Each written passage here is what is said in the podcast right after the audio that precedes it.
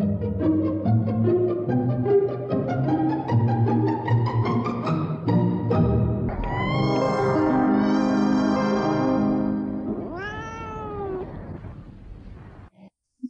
jest piąty odcinek nieskoordynowanej audiosagi Mindtelli o tytule Tędy. I uwaga, odcinek ma sponsora. Spokojnie, jaki podcast, taki sponsor. Dzisiaj będzie z nami Tadeusz Piper i krakowska awangarda. Dlaczego będzie krakowsko i dlaczego będzie awangardowo? Bo weźmiemy na warsztat miasto Kraków. Tylko nie będziemy go zwiedzać. Zrobimy coś dziwnego, nietypowego. Będziemy mieszkańcami. Będzie miasto, masa i maszyna. Część pierwsza, nie tędy do Smart City. Pogadamy sobie o tym, co w naszej podróży może nas zmylić, gdzie nie szukać Smart City i skąd się w ogóle wziął pomysł na inteligentne miasta. Ze Smart City zrobił się marketingowy bajzel. Dosłownie. Wszystko jest smart. Ulice są smart, lasy są smart, miasta są smart, telefony są smart, internet jest smart. Natomiast, żeby sobie uprościć sprawę, hmm, to jest na to papierek. Smart miasta miewają certyfikaty. Jest coś takiego. Jest taki certyfikat spełnienia normy ISO 37120. To jest ten czarodziejski numerek. E, I zgodnie z tym numerkiem to Kraków niestety podpada. Kraków takiej normy nie ma. To znaczy nie ma certyfikatu. Nie, nie mało miast w Polsce ma. Natomiast w rankingach miast Smart City mm, z jakiegoś powodu pojawiają się też miasta, które tak samo jak Kraków tego certyfikatu nie mają. I czemu się tak dzieje? Ponieważ jeżeli będziemy się sugerować tylko certyfikatem, to zgłupiejemy. Dosłownie. W Polsce można brać pod uwagę jako smart około od kilkudziesięciu do, do, do nawet dwustu miast i miasteczek, mniejszych, większych. Natomiast taki certyfikat spełniania normy ISO yy, dla Smart City mają Gdańsk, Gdynia, Warszawa, Kielce i Lublin. Lublin oczywiście jest taki dość nietypowy, jak to, jak to zwykle, spełnia polską normę ISO i robi się zamieszanie. Dlaczego? Ponieważ to nie jest takie hop Przede wszystkim, żeby otrzymać taką normę, to miasto musi pochwalić się wynikami w nawet około 100 dziedzinach. Jeżeli jest w stanie to zrobić, to należy się najpierw zarejestrować, przejść audyt, zapłacić za certyfikat i ma się normę ISO 37120. Wszystko byłoby super, gdyby istniał tylko jeden urząd, jedna instytucja, która taki certyfikat e, wydaje. I taka najstarsza istnieje. E, ona się nazywa World Council of City Data. Ma siedzibę w Toronto. Mm, I certyfikat akurat stamtąd Magdynia, Warszawa i Kielce. Pozostałe miasta korzystają z innych urzędów certyfikujących. Czy to jest dobrze, czy to jest źle, to jest względnie obojętne, ponieważ inny urząd nam wygląda troszeczkę inaczej kwestia audytu, tak naprawdę. I, I, tylko i wyłącznie o to chodzi, norma jest jedna. Natomiast czemu nie warto się tym sugerować? Z dwóch przyczyn ponieważ certyfikaty, one dotyczą tak na dobrą sprawę tylko tego, jak miasto jest zarządzane. Ponieważ no to jest przydatne i nawet dla mieszkańca takiego miasta może być przydatne, ponieważ to oznacza, że w każdej dziedzinie, którą zarządza miasto, e, te dane muszą być upublicznione mniej lub bardziej. Więc powiedzmy jest gdzieś tam przejrzystość zarządzania i z tego względu to jest przydatne. To, jest, to oznacza, że miasto jest zarządzane z głową. E, przynajmniej tak w założeniu. Druga sprawa, łatwiej wtedy takim miastom się porównywać i od siebie nawzajem ściągać, bo jeżeli one są tam w podobnym miejscu, mają podobno, podobne, e, podobne ilości mieszkańców, podobną infrastrukturę, to powiedzmy niektóre rzeczy, które przetestowało inne miasto, e, to to są rzeczy, które są warte, warte ściągnięcia. Na przykład z Gdyni bardzo fajnie można ściągać, ponieważ Gdynia ma też taki lab technologiczny dotyczący sprawdzania w ogóle nowych technologii i, i, i jak najbardziej tutaj pod tym względem Gdynia też robi światu przysługę. Oprócz tego, że te miasta są takie powiedzmy gdzieś tam przejrzyste, to co taka, takie dane, które takie miasto ma, yy, o czym one nas informują? Niestety, zrobimy z tego absurd. Czyli powiedzmy, mamy miasto, które ma te wyniki dotyczące na przykład transportu sprzed z ostatnich pięciu lat. E, wszystko tam jest ok, nawet 10 lat. Oni wiedzą, że jest źle czyli mają fatalny transport, który wiecznie stoi w korkach, że nie mają buspasów i w ogóle nikt z tego nie korzysta, to jest ewentualnie podwózka dla meneli. I jak mieszkaniec takiego miasta słyszy transport publiczny, to dostaje po prostu na głowę. Co nie znaczy, że takie miasto nie będzie miało takiego certyfikatu, bo chodzi o te wyniki. Jeżeli ono je ma, no to pilnuje transportu. Jeżeli ich nie ma, to znaczy, że tego transportu kompletnie nie, nie pilnuje, tam jest wolna amerykanka, więc e, z tymi normami ISO zazwyczaj tak nie jest. Zazwyczaj, jeżeli miasta mają te wyniki, to jakoś tam o to dbają, ale e, to nie jest to, że, że, że dane miasto takie, takie, takie dane jest w stanie przedstawić, jest to, to o niczym takim fizycznym nie będzie mówiło. Druga też sprawa, mi się zdarzyło trafić na takie miasto. Tarnów to powiem Wam, dlatego, dlatego mnie ta norma ISO w ogóle tak bardzo odstręczyła, bo ja ogólnie lubię te certyfikaty. Przynajmniej ktoś tam machnął jakiś papier, coś tam zrobił, żeby ten papier był. Można, można to jest takie zero-jedynkowe. Natomiast Tarnów też ma taki certyfikat i on ma w ogóle jeden z młodszych certyfikatów. E, on był wydawany w grudniu zeszłego roku. Wzmianka o tym certyfikacie tak naprawdę źródłowo jest tylko i wyłącznie na stronie Urzędu Miasta. Tam trochę prasy jeszcze o tym pisało, ale e, nikt za bardzo się tym ich certyfikatem nie interesuje. Tak przynajmniej w pierwszym momencie. I dlaczego tak się dzieje? E, powiem Wam, że mnie ten certyfikat zafrapował, ponieważ nie dość, że to miasto się musi troszeczkę naćwiczyć, żeby taki certyfikat dostać, musi to jakoś w budżecie zaplanować. No to po co miałoby to robić? Ja na takiej stronie dla deweloperów, co najlepsze, znalazłam taki argument. Oni tam dużo o tych normach ISO pisali i jedynym, ale to jedynym argumentem, jaki tam był, to była informacja, że y, no, tą normę ISO warto mm, spełniać i mieć w ogóle ten certyfikat ze względu na to, żeby zamknąć usta mieszkańcom na temat tego, że miasto jest źle zarządzane no ja przepraszam, ja wiem, że to w ogóle nie jest portal tak naprawdę do tego, ale to jest creme de la creme w takim razie chyba myślenia polskich e, deweloperów. Certyfikat ISO, on ma znaczenie, ponieważ on e, jest silną kartą przetargową, jeżeli chodzi o inwestorów. No, miasto ma papier. Hej, jesteśmy fajni, mamy mieszkańców, którzy chcą tu mieszkać i oni nie są z papieru. To jest istotne, ponieważ jeżeli inwestor e, coś chce tam robić, w danym mieście, to potrzebuje ludzi do pracy, potrzebuje ludzi, którzy dany produkt, daną usługę będą kupowali. Czasem właśnie muszą być to ludzie, którzy są na miejscu, to nie będą rzeczy, które są produkowane na, azjatycki rynek.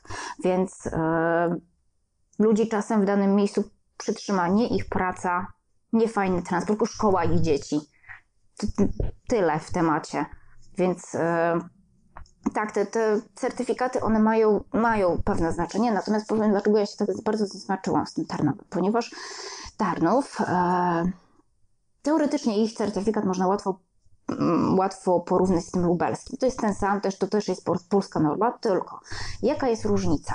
Ja próbowałam się dowiedzieć, bo, bo generalnie takie, takie certyfikaty, one powodują, że są publiczne dane dotyczące konkretnych konkretnych aspektów zarządzania miastem i, i w ogóle te miasta można porównywać. One są, mają różną wielkość, ale, ale powiedzmy można, można się o to pokusić, no bo ciężko jest Warszawę z Gdańskiem porównywać. Po prostu. To, to, to, to jedno, jedno miasto jest stolicą, drugie jest dużym miastem portowym, więc yy, to są takie tematy, że, że, że można, to, to jest śliskie.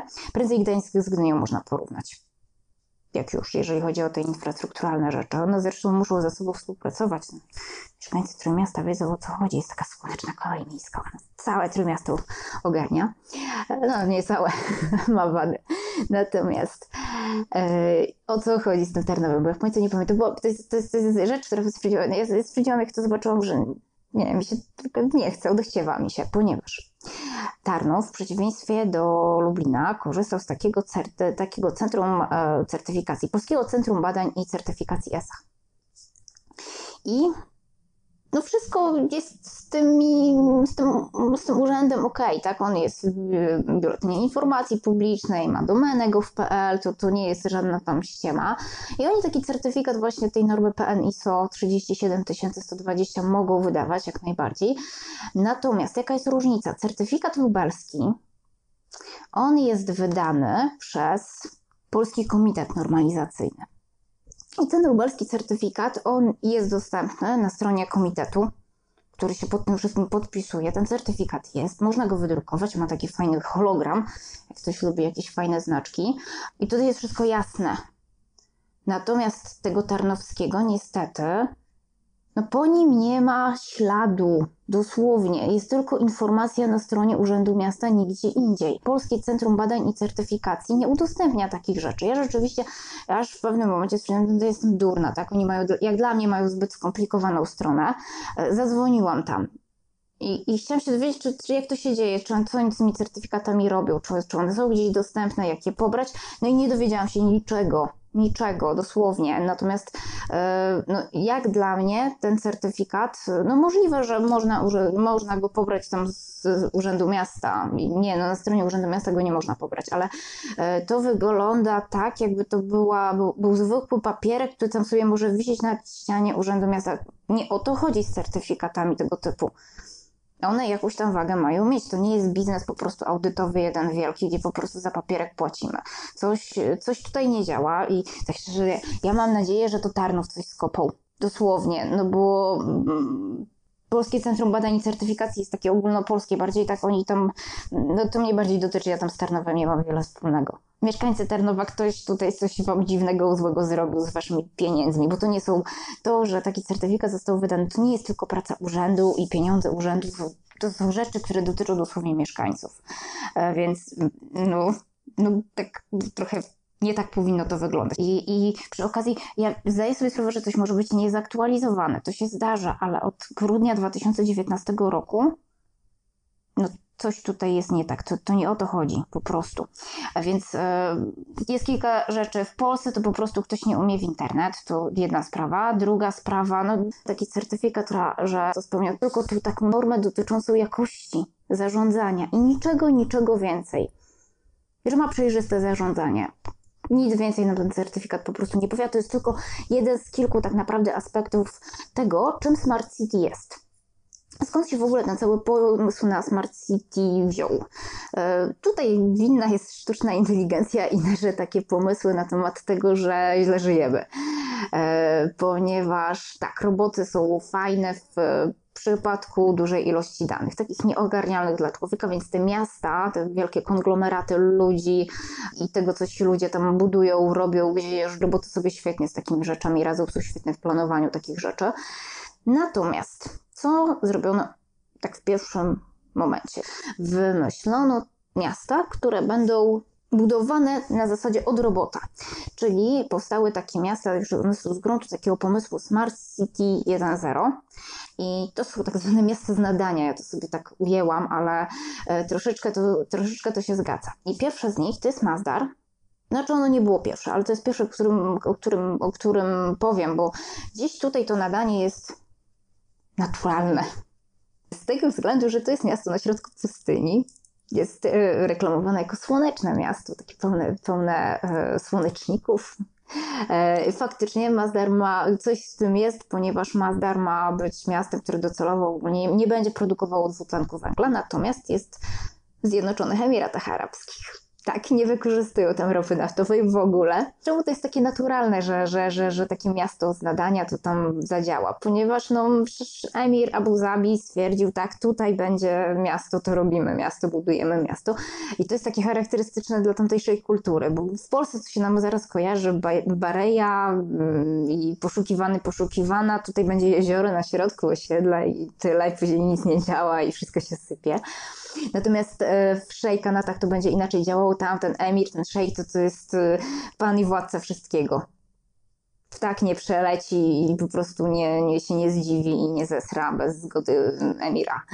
Więc e, to jest na, bardziej naturalne. No druga też sprawa, troszeczkę tam musi tak być, ponieważ no, oazy oazami, ale no, na środku pustyni nikt normalny nie rozbije namiotu tak, jeżeli nie musi i to nie, musimy, człowiek tam musi być czymś zachęcony, żeby w danym miejscu być. I tak mniej więcej jest z Mazdarem. To się ciężko kłócić, natomiast e, Mazdar jest krytykowany, ponieważ tam jest użytych dużo tak zwanych nowych technologii, które nigdy nie były testowane na ludziach, na jakichś dużych grupach ludzi i się okazuje, że część rzeczy może nie tyle nie działa, bo to, to nie tak, natomiast jest nieużywanych przez tych mieszkańców.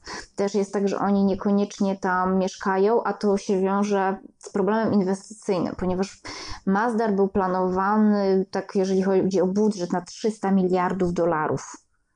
E, natomiast to nie jest tak, że Emir sobie no, wyjął pieniądze na stół i he, budujemy. To są pieniądze, które muszą być wyłożone przez inwestorów i tych inwestorów brakuje. Mm, też jest tak, że to nie jest jakaś, jakaś tragedia, natomiast jest ich mniej niż przewidywano, to są jednak mniejsze pieniądze.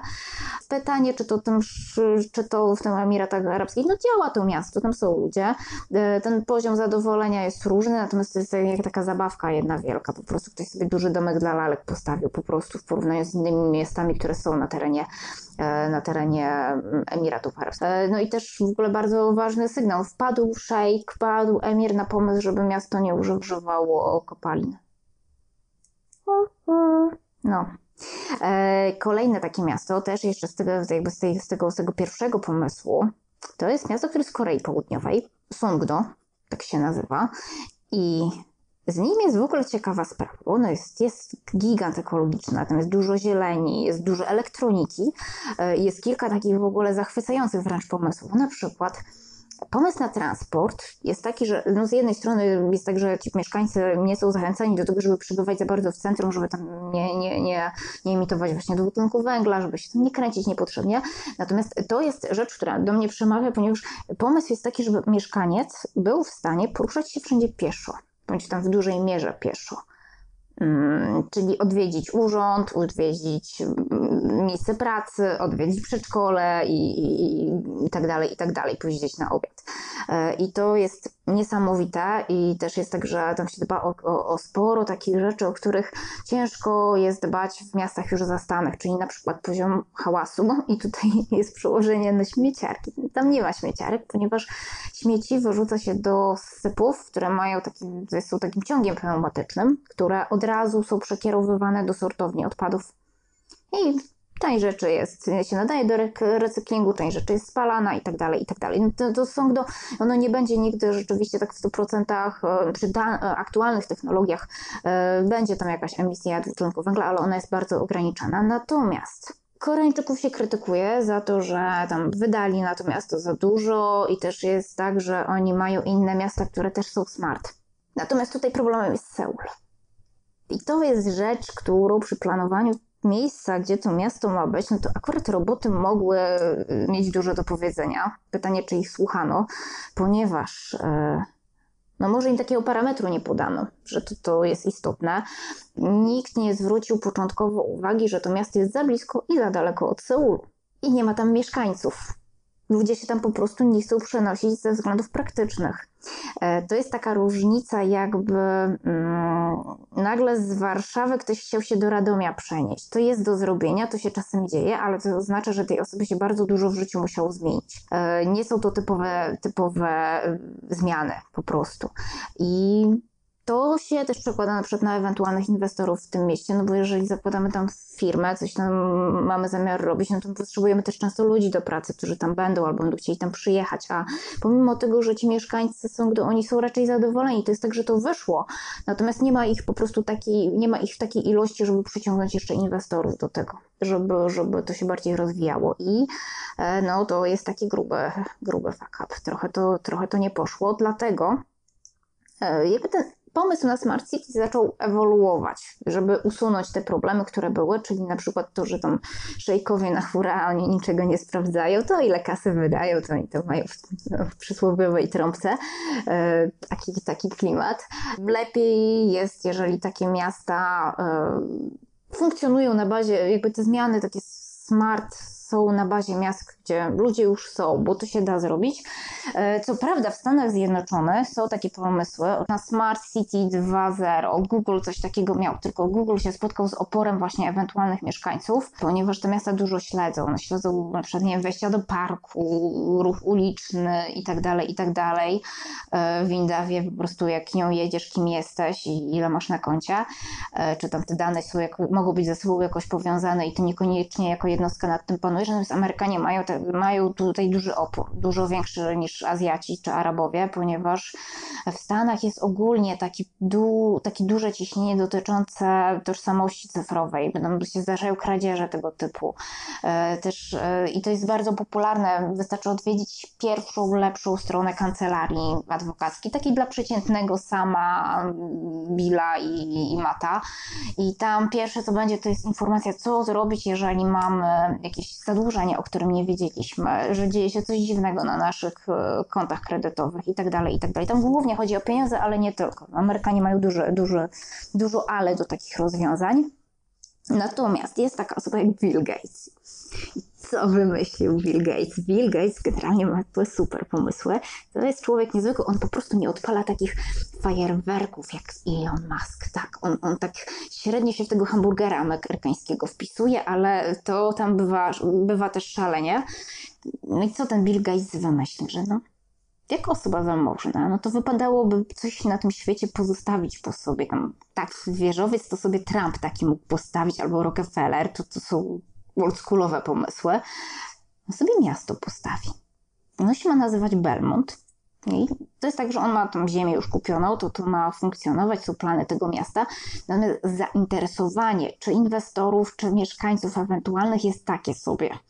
E, właśnie ze względu na to, że Bill Gates mimo wszystko się kojarzy nadal z Microsoftem, mm, no, ma dużo tam kasy swojej utopionej, natomiast, czy tam pływającej jak najbardziej, Natomiast to właśnie chodzi o te takie kwestie związane, związane z tożsamością ludzi, bo nie czarujmy się, nasze dane, one są e, kroplą w morzu i one są wykorzystywane, natomiast e, to, co mm, jest zgodne z prawem, to czy na przykład rzeczywiście musi system monitoringu wiedzieć, kto wchodzi do parku w danym momencie i z jaką ilością dzieciaków, to no, z jednej strony to może być bezpieczne dla tych dzieciaków, ale nie zawsze e, nie nie zawsze jest tak, że my musimy być poczytywani automatycznie jako osoby być może niebezpieczne, tak? Jesteśmy powiedzmy randomowym, e, randomowym właścicielem po prostu dwójki dzieci i tyle.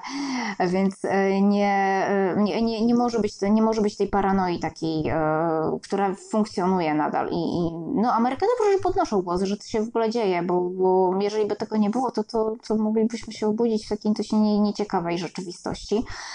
W Europie też, też mówimy o tym po prostu. Jest, jest, jest, jest taka rzecz, że na to trzeba uważać i dobrze byłoby się coś rozwijało pod tym względem, jak się dzieje. To, to, to jest tak, że my to wszystko ogarniemy, w ogóle my roboty ogarniamy, to my je wymyśliliśmy, nie one nas. E, byliśmy tu pierwsi. I jak to wygląda, jeżeli chodzi o, jeżeli chodzi o ocenę, czy dane miasto jest smart, czy dane miasto jest niesmart? Jest kilka takich, takich elementów, które, mm, które powodują, że dany, o, Smart City w ogóle można mówić i, i raczej tym się zajmiemy, razem pomysłem na Smart City i takie życie, życie, które jest inteligentne, bo ono jest związane z tym, jak się żyje w miastach współczesnych. Jak one wyglądają, jakie powinny być, co można w nich zmieniać, a czego nie warto zmieniać. I czy rzeczywiście co roboty powodują, że nasze miasta są smart. No nie da rady mieć papierka na bycie Smart City. Roboty, tak jak i ludzie, nie umieją w gospodarkę planowaną. I Smart City to nie są tylko pomysły Billa Gatesa. Musimy poszukać Smart City 3.0 i będziemy to robić w następnej części.